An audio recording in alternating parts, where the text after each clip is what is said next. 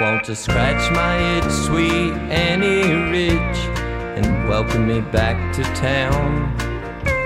Come out on your porch or step into your parlor, and I'll tell you how it all went down. Out with the truckers and the kickers and the cowboy angels, and a good salute in every single town. Something you once told me. And I'll be damned if it did not come true.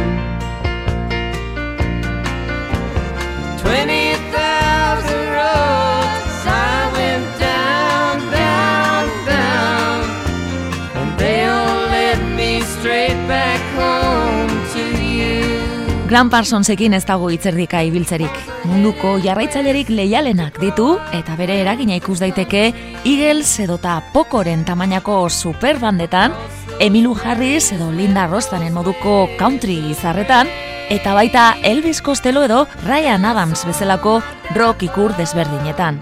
Eta zer esanik ez egungo First Aid Kid edota Lilian Madeleine bezalako bikoteengan. Baina Gran Parsons etzen disko saltzailea handia izan eta bere lanik sonatuena ilondoren argitaratu zioten.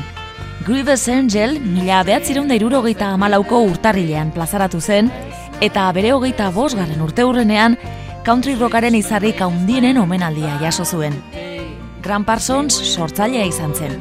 Countrya eta rocka folk naiz blues toinuekin nahastuz, Cosmic American Music deitu zuena jarri zuen abian. soul country of cosmic, what I call cosmic American music. Ah, eta country rocketik eta etzitzaion bat ere gustatzen. I think pure country includes rock and roll. I don't think that you have to call it country rock. I, I just don't like the label country rock. Elvis Presley zuzenean ikusi zuenetik, rock izarra izan nahi zuen, baina ezin izan zuen bere ametsa bete. Hogeita sei urte zituela droga gaindosi baten ondorio ziltzen, eta orduan txehasi zen bere bizitzaren eta eriotzaren mitoa. Irantzu karrera naiz, eta urrengo ordu betean, Gran Parsosen bizitza eta musikaren gainean arituko gara. Dream, dream, dream, dream, dream, dream. Jaiotzez Cecil Ingram Connor irugarrena, Gran Parsons bikote dirudumaten semea zen. Floridan jaio zen mila behatzireun da berrogeita seiko azaroaren bostean. Ama Avis, zitriko osail ikeragarriak zituen enpresari baten alaba zen, lareun milioi dolarreko ondarea zuen garai hartan. Aita berriz pilotua, bigarren mundu gerrako eroia. Baina bere emaztearen familian, ez zuten sekula onartu, eta mila behatzireun da berrogeita emezortziko gabonetan, bere buruaz beste egin zuen. Gran Parsonsek amabi urte zituen eta ez zuen horren inguruan hitz egin nahi izaten. Eta askotan bere haurtzaroaren gaineko historiak asmatzen zituen. Musika betidanik izan zen Gran Parsonsen bizitzaren zati garrantzitsu bat. Bere aitak country diskoak entzuten zituen eta Gramek pianoa jotzen zuen txiki txikitatik. Mila behatzireun eta berrogeita amaseian, amar urte besterik ez zituela, bere amak Elvisen kontzertu batera eraman zuen. Well, good tonight. Well, I heard the news. That's good to rockin' tonight. Handi gutxira Graham The Legends izeneko musika talde batean jotzen hasi zen. Rock and roll bersioak egiten zituzten, The Shilohs izeneko beste talde bat ezagutu zuen arte. Folk musikan aparteko interesa zuen eta The Shilohseko partaide izatea lortu zuen. Kingston Trio famatuaren jarraitzaile ziren eta hasiera batean ikastetxe eta kafetegietan jotzen zuten. Ez ziren famatuak izatera iritsi naiz eta aukerak izan zituzten. Ed Sullivanek bere telebistako show famatuan jotzeko eskaintza egin zienean, atzera bota ziren, oraindik ez zeudela presta argudiatuz. Eta etzen famak ies egingo zion aldi bakarra izango naiz eta Gran Parsonsek arrakasta gertu-gertu izan zuen bere bizitza guztian. Well, and I may, I may be wrong, but you know you gotta miss me when I'm gone, when I'm gone. Desailos desegin ondoren, Gran Parsonsek Harvard Unibertsitatean teologia ikasketak hasi zituen, baina sei hilabete bakarrik iraun zuen bertan, bere interesa musikan zegoelako eta ez ikasketetan. Hala ere, Harvarden zegoen garaian sortu zitzaion country musikarekiko zaletasuna. Merle Haggard entzun ondoren. Each night I leave the barroom when it's over. Not feeling any pain at closing time. But tonight your memory found me much too sober. Couldn't drink enough to keep you off my mind. Mila behatzireun eta irurogeita zeian, Graham eta Bostongo folk mugimenduko beste zenbait kidek The International Submarine Band deituriko taldea sortu zuten, eta lehenengo aldiz, Beatlesen jarraitzaile ziren tximaluze batzuk country musika jotzen hasi ziren. Ez dugu aztu behar countrya zarkituzat jotzen zela, eta Ameriketako publikorik atzerako jenek entzuten zuten musika moeta zela.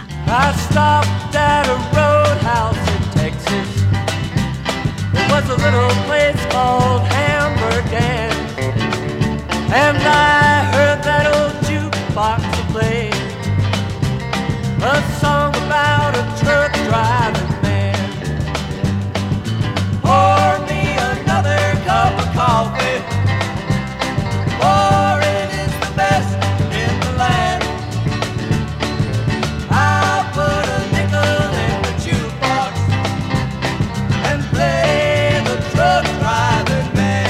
Mila behatzireun eta irurogeita zeiko udazkenean Grand Parsonsek Los Angelesera bidaiatu zuen eta The Birds taldeko David Crosbyren party batean azaldu zen.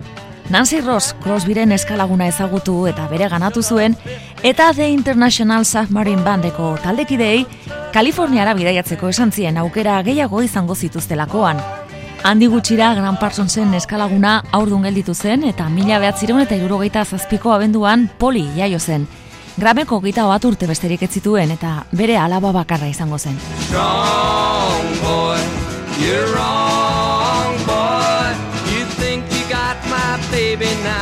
this fight ain't quite won. You sure did make a mighty big mistake. Cause muscles ain't enough to make her run away from me. She knows what kind of lover I can be. Strong boy, you're wrong boy. My baby likes to have her fun, but I'm the one she loves. Made your pass, you did fine in your class, but all that you've been holding is a glove without a hand. You may be her boy, but I'm her man. Ram Parsonsi asko gustatzen zitzaion Los Angelesen zeraman bizi modua, country klubetako giroa eta Nudi Cohen izeneko sastrearen jantziak. Honek Elvis eta Johnny Cassen tamainako country izarren trajeak josten zituen. Arazori gabe azaltzen zen bere hile luze eta arropa hippiekin bakero haien artean. Begirada oker guztiak jasotzen zituen, baina kantatzen hasten zenean denen errespetua irabazten zuen. Well, I used to be the kind of guy that didn't love a lot. I took all the love they offered me with ease. And it didn't make much difference if they love me or not. Cause I'd love them for a while, then I'd leave. Yeah, and I can't believe it's really me hurting like I do. Just because you've left me all alone. I've seen it happen many times to other guys I knew. Surely I Festa hietako batean, Lee Hazelwood produktore eta kantari ezaguna topatu ondoren, audizio bat egin zioten eta LHI Records diskoetxearekin sinatu zuten.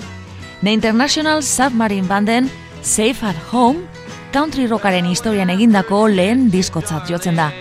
Rock oinarriak zituen talde moderno bat lehendabiziko aldiz countrya jotzen saiatu baitzen. Baina diskoa kaleratzerako Graham beste musika proiektu baten atzetik zebilen. Sometimes I get upset when people treat me bad. I don't have time to think, and so I get real mad. I pull my hair and find somewhere that I can be alone. But when I do, I think of you and then I hurry home. Where I got chores keep me busy, a clock to keep my time, a pretty girl to love me with the same last name as mine. And when the flowers wilt, a big old quilt to keep us warm. I've got the sun to see your blue eyes, and tonight you're in my arms. Mila behatzireun eta irurogeita zortziko udaberrian, Beverly Hillsko banku batean eserita, The Birds taldeko Chris Hillmanekin izketan hasi zen. Hillmanek bazuen Grand Parsonsen berri eta The Birdsen saio batera gonbidatu zuen. Chris Hillman The Birdsen Dylan kutsuarekin aspertzen hasita zegoen eta berehala konturatu zen Grand Parsons aliatu on bat izango zela country kutsuko musika egiten hasteko orduan. Roger McGuinn ere ados zegoenez, Graham The Birds taldeko pianista ofiziala bihurtu zen eta disko berri bat grabatzen hasi ziren elkarrekin. So swift, lift, close, close. Get your mind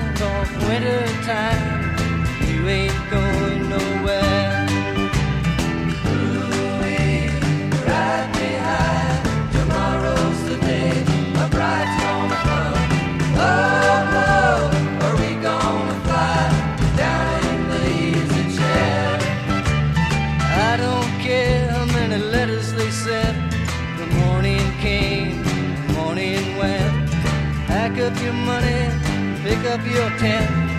You ain't going nowhere. Louis, ride me high. Tomorrow's the day my bride's gonna come. Oh no, are we gonna fly down in the easy chair? Ameriketako musika herrikoiaren historia biltzea zen Sweet Heart of the Rodeo diskoaren hasierako helburua. Bluegrass musikarekin hasi eta country, jazz, rhythm and blues eta rockarekin jarraituz garai hartako musika elektronikoaren doinuetaraino.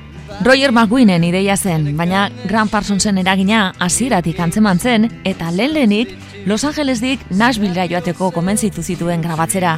Eta ondoren, disko osoa country musikaren ingurukoa izatea lortu zuen.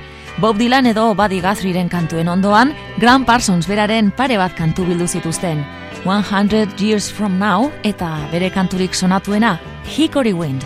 in South Carolina. There are many tall pines. I remember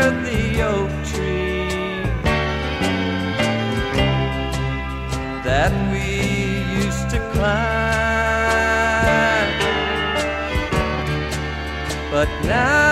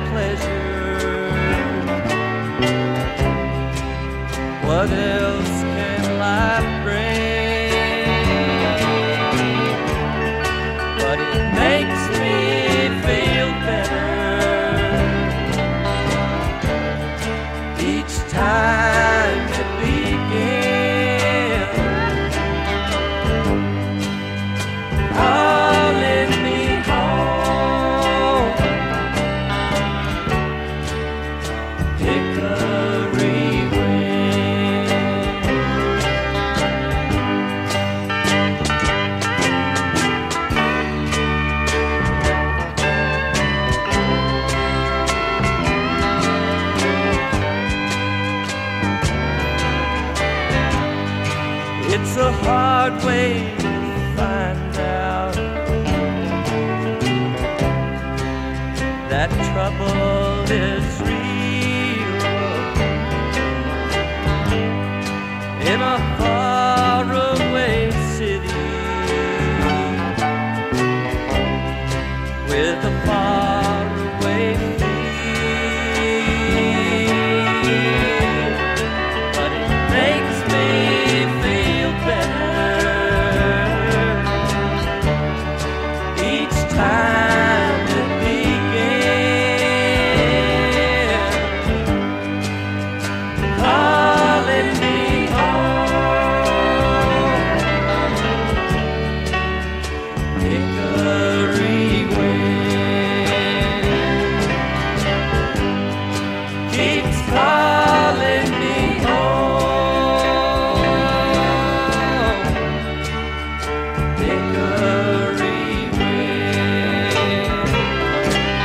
Gaur egun Sweet Heart of the Rodeo pop musikaren oinarrizko diskotzat jotzen da rock jarraitzaile asko country zale izatea bihurtu baitzuen.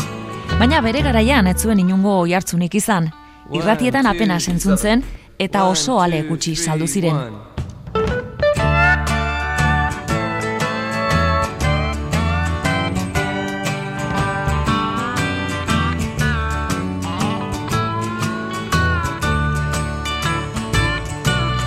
My buddies tell me that I should have waited. They say I'm missing a whole world of fun. But I still love them and I sing with pride. I like the Christian life. I won't lose a friend by heeding God's call.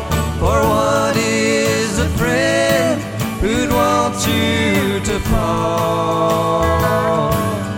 Others find pleasure in things I despise. I like the Christian life.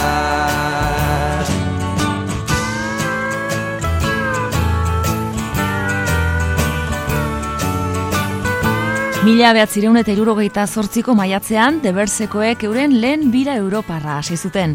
Eta Graham Parsonsek, Rolling Stones taldeko Keith Richards ezagutu zuen ingalaterran. Uztailean Royal Albert Hallen kontzertu gogoan garri bat eskaini zuten eta urrengo goizean Ego Afrikara bidaiatu behar zuten. Baina Graham Parsonsek ez joatea erabaki zuen apartheidaren aurkako protesta modura. Bere taldekideek hori bai arrazoia beste batzela leporatu zioten Rolling Stonesekoekin juergan ibili naizuela besterik gabe. Kontua kontu eta arrazoiak arrazoi Keith Richards eta Parsonsen artean oso adiskidetasun estua sortu zen eta ordu asko pasatzen zituzten elkarrekin country disko zaharrak entzuten eta kantu berriak sortzen. Ingalaterran mila bete egin ondoren Graham Parsons Los Angelesera itzuli zen. Ordurako Chris Hillmanek ere utzia zuen The Birds taldea eta naiz eta Gramen jokabidea atzitzaion bat ere gustatu berriro ere lagunak izatera bueltatu ziren. Euren betiko ametsa gauzatzeko ordua zela pentsatu zuten. Countrya, rhythm and blues eta gospela interpretatuko zituen rock taldea sortzea alegia. Eta horrela sortu zen The Flying Burrito Brothers.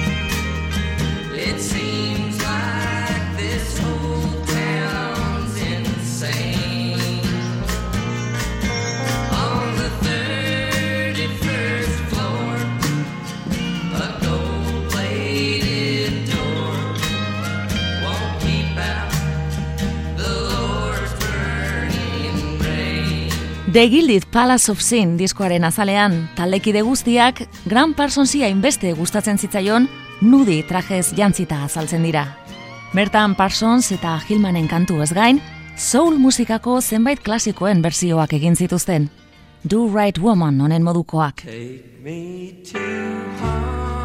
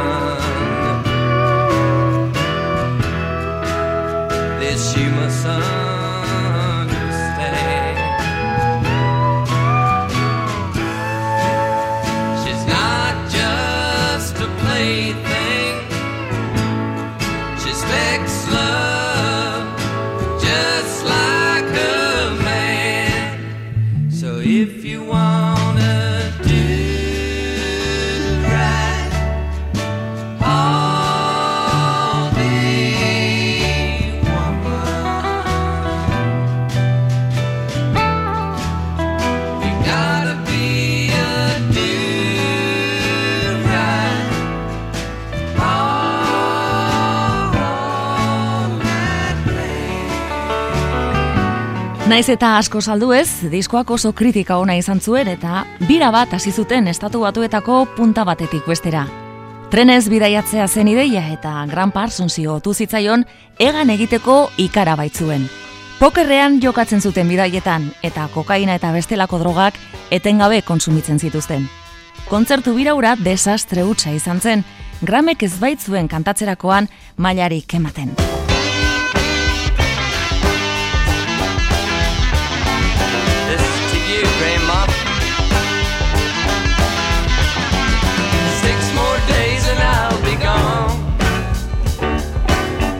The train that takes me home.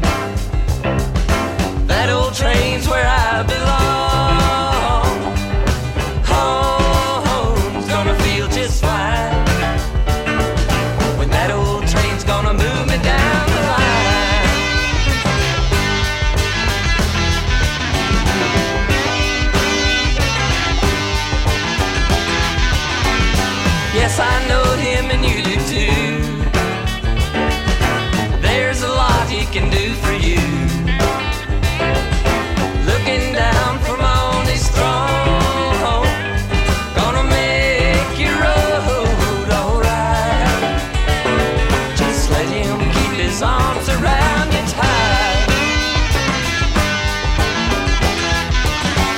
Berriro ere Los Angelesen Grand Parson Chateau Marmont izeneko hotel ezagun batean jarri zen bizitzen. Etzen jada Nancyrekin bizi, eta bertan Flying Burrito Brothersen bigarren diskoa prestatzen hasi zen. Burrito Deluxe izeneko lan berria, kantu mugituagoaz osatua zegoen, baina hala eta guztiz ere ez zuen ezer saldu. Eta bazirudien gainera, Gramek ez zuela interesa handiegirik grabazio hauetan. Amigos, y ahora una disco nuevo de la compañía AM. Un disco fenomenal, un disco que me gusta mucho. Es un disco con los Fantastic Flying Burrito Brothers. There is a man,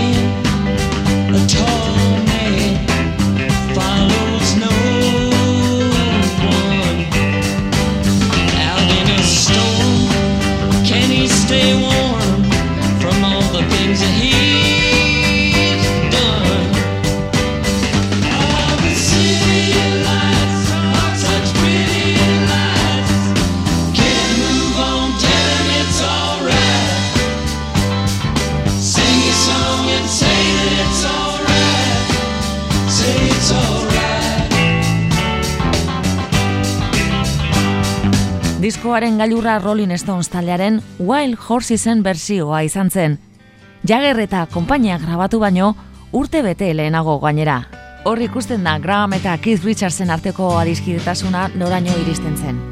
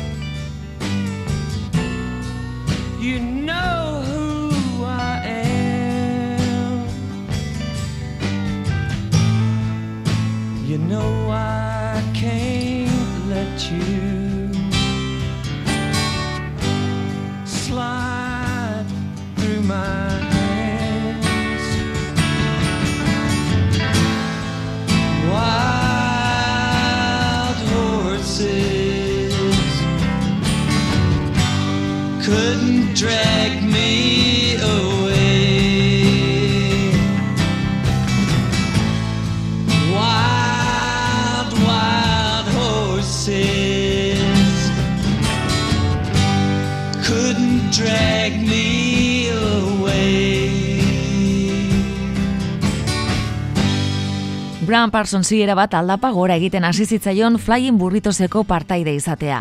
Azken finean ez zuen inungo diru premiarik urtero berrogeita hamar mila dolarreko pitxeke jasotzen baitzituen bere familiaren eskutik, eta kontzertuko bosteunen badolar jasotzea uskeria hutsa zen beretzat. Esku artean zuten proiektuaren arrakasta faltak ere asko kezkatzen zuen, eta mila behatzireun eta irurogeita amarreko martxoan, The Mamas and the Papas taldeko John Phillips eta biak Harley Davisonean irtenaldia egin zuten batean, Gramek istripua izan zuen eta aitzaki hause erabili zuen The Flying Burrito Brothers betirako usteko.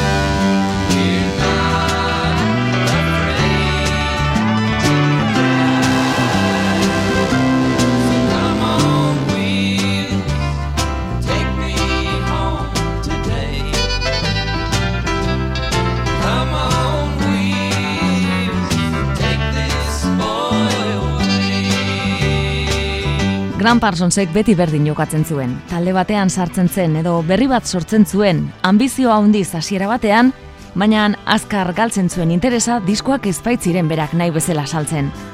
Gau batean Los Angelesko San Fernando Balin erabat drogatuta, kontzertu hasi baino justu-justu, bi minutu lehenago azaldu zen eta Chris Hillmanek taldetik bota zuen.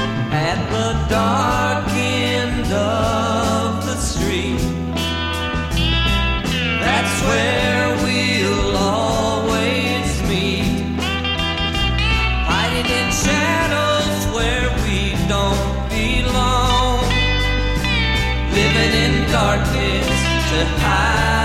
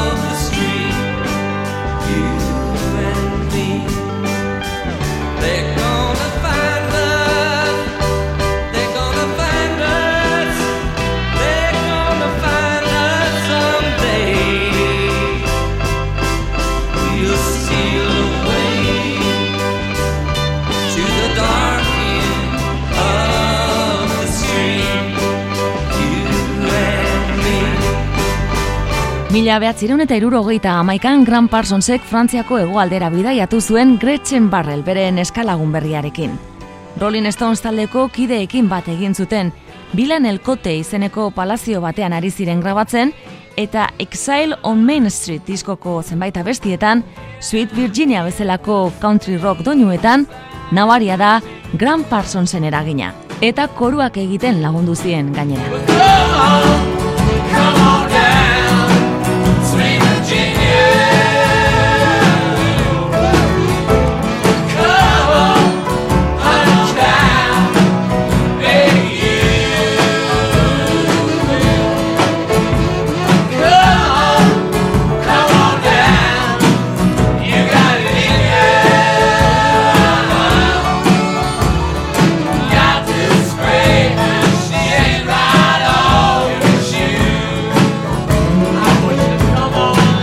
Etxera itzultzean, Graham eta Gretchen New Orleansen ezkondu egin ziren, eta berriro ere Grahamek pakeak egin zituen Chris Hillmanekin.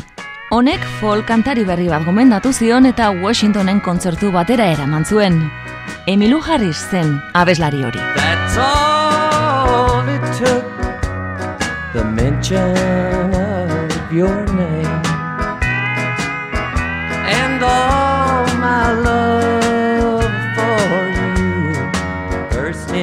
into flame. I've tried so hard to let you go,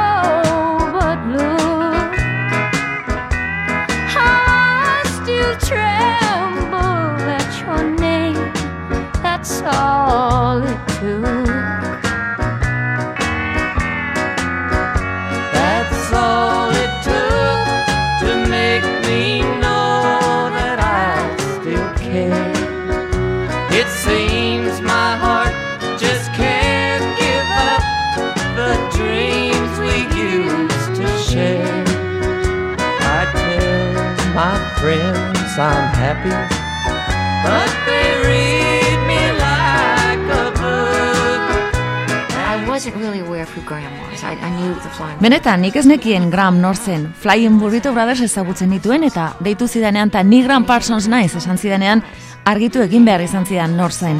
Nirekin eseri zen eta esan zidan deituko dizut eta postan biletea jaso nuenean, ba ez neki zer pentsatu. No idea. Graham eta Emiluren hartu emanak inoiz grabatu diren duetorik onenetarikoak utzi zituen eta hartu eman musikala baino gehiago izan zela ere esan izan da. Ez doa esola jendeak zer dion, jendeak bere historia idatzita bai dauka. Denek argi daukate Graham eta nik afer bat izan genuela eta egia da, maite minduta ginela eta segurazki gehiago bizi izan balitz afer bat egongo litzakela, baina etzen horrelakori gertatu. Gure energia osoa musikan jarrita Put zegoen.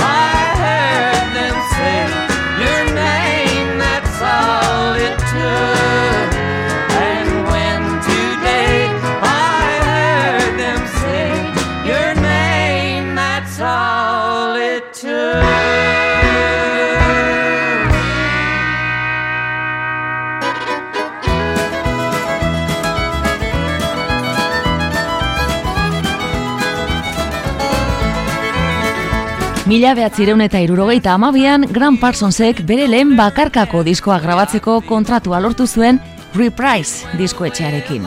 Txiki txikitandik Elvis Presleyk eragin handia izan zuen beregan eta Elvisen bandarekin grabatzea erabaki zuen.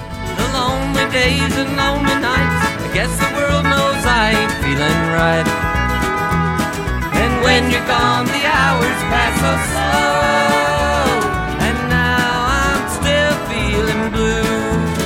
Hasieran gauzak nahiko okertu ziren lehenengo saioetan Graham mozkorregia zegoen. Jana eta edariaren ondorioz, amabos kilo hartu zituen Flying Burrito Brothers utzi ondoren eta Emilu Harrisek egin guztiak egin arren, diskoa etzela argitaratuko uste zuen. Baina estudioko lana amaitzean, eskuratu zituen bosteun dolarrekin, gitarra berri bat erosi ahal izan zuen eta Gran Parsonsek bere karrera guztiko diskorik onenetarikoa kaleratu zuen. Estilo guztiak jorratu zituen country doinu erritmikoetatik hasita, eta bere ibilbideko baladarik ederrenak bildu zituen. This is GP. Listen. She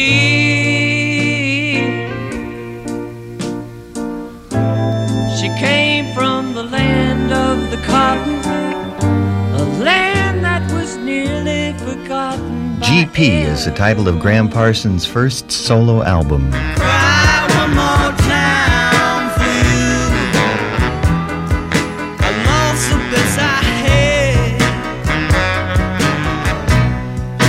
You probably remember Graham Parsons from the Flying Burrito Brothers or the Birds, but now with help from friends Byron Berline, Al Perkins, Emmy Lou Harris, and co-producer Rick Gretsch, Graham Parsons has finally recorded an album that is truly his own. Born in a little bitty hut. Graham Parsons GP Recommended to you by the folks at Reprise Records and Warner Brothers Tapes.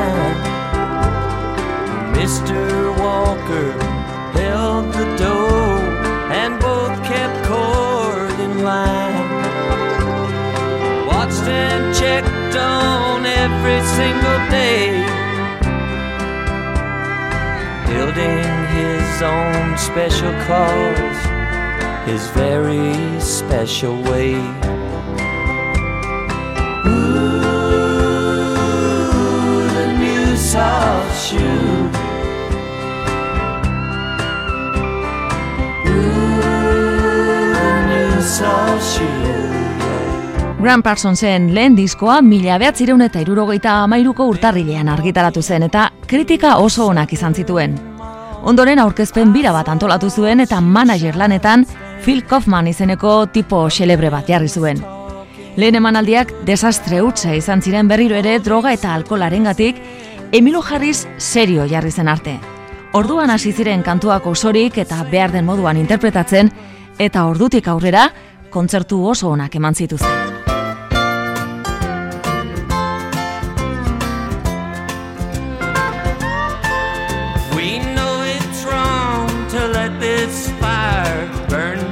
Medina.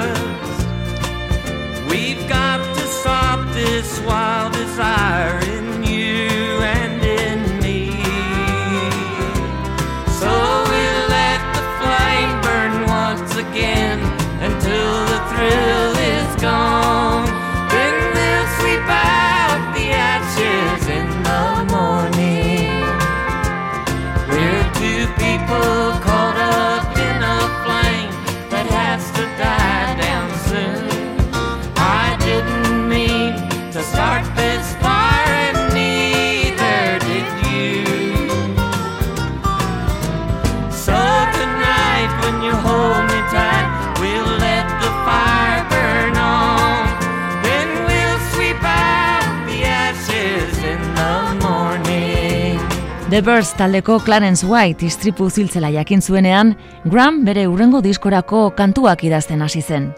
Iletara Graham Parsons, The Eagles eta beste hainbat country musika taldetako kideak azaldu ziren eta bertan elkarturik zeudela Grahamek paktu bat egin zuen Phil Kaufmanekin. Bietako bat hiltzen zenean, gorpua Joshua Trin erraustuko zuen besteak.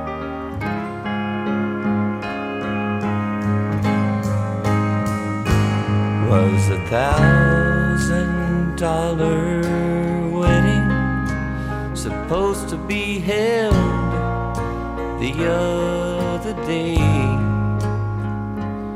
And with all the invitations sent the young bride went away.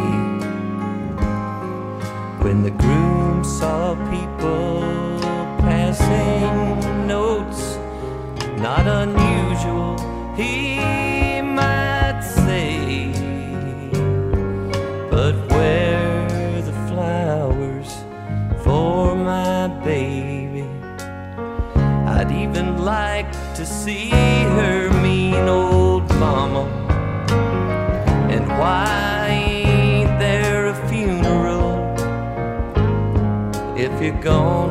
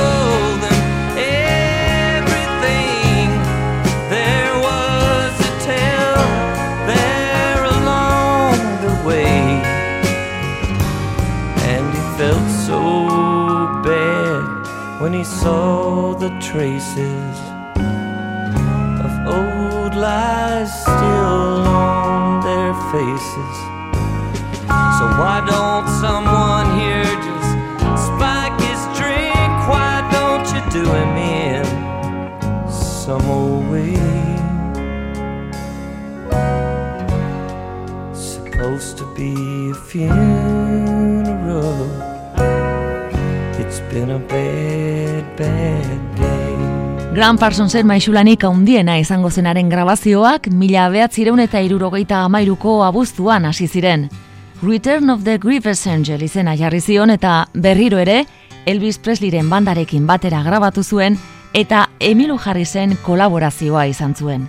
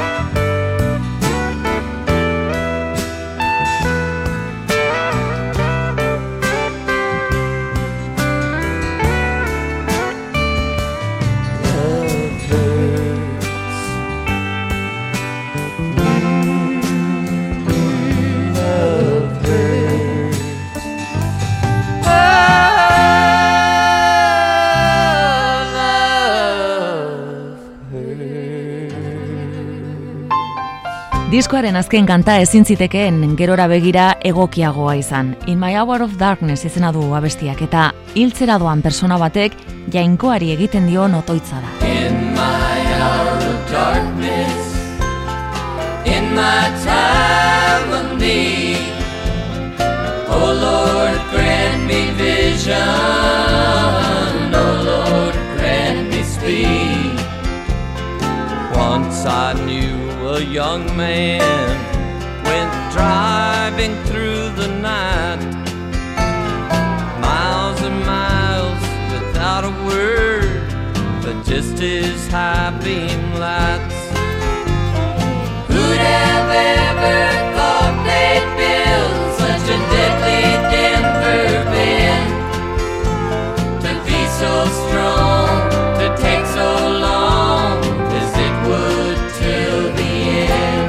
Diskoa bukatzean eta drogekin zituen arazoak gero eta larriagoak zirenez, Graham eta zenbait lagun basamortura joan ziren lasaitasun bila.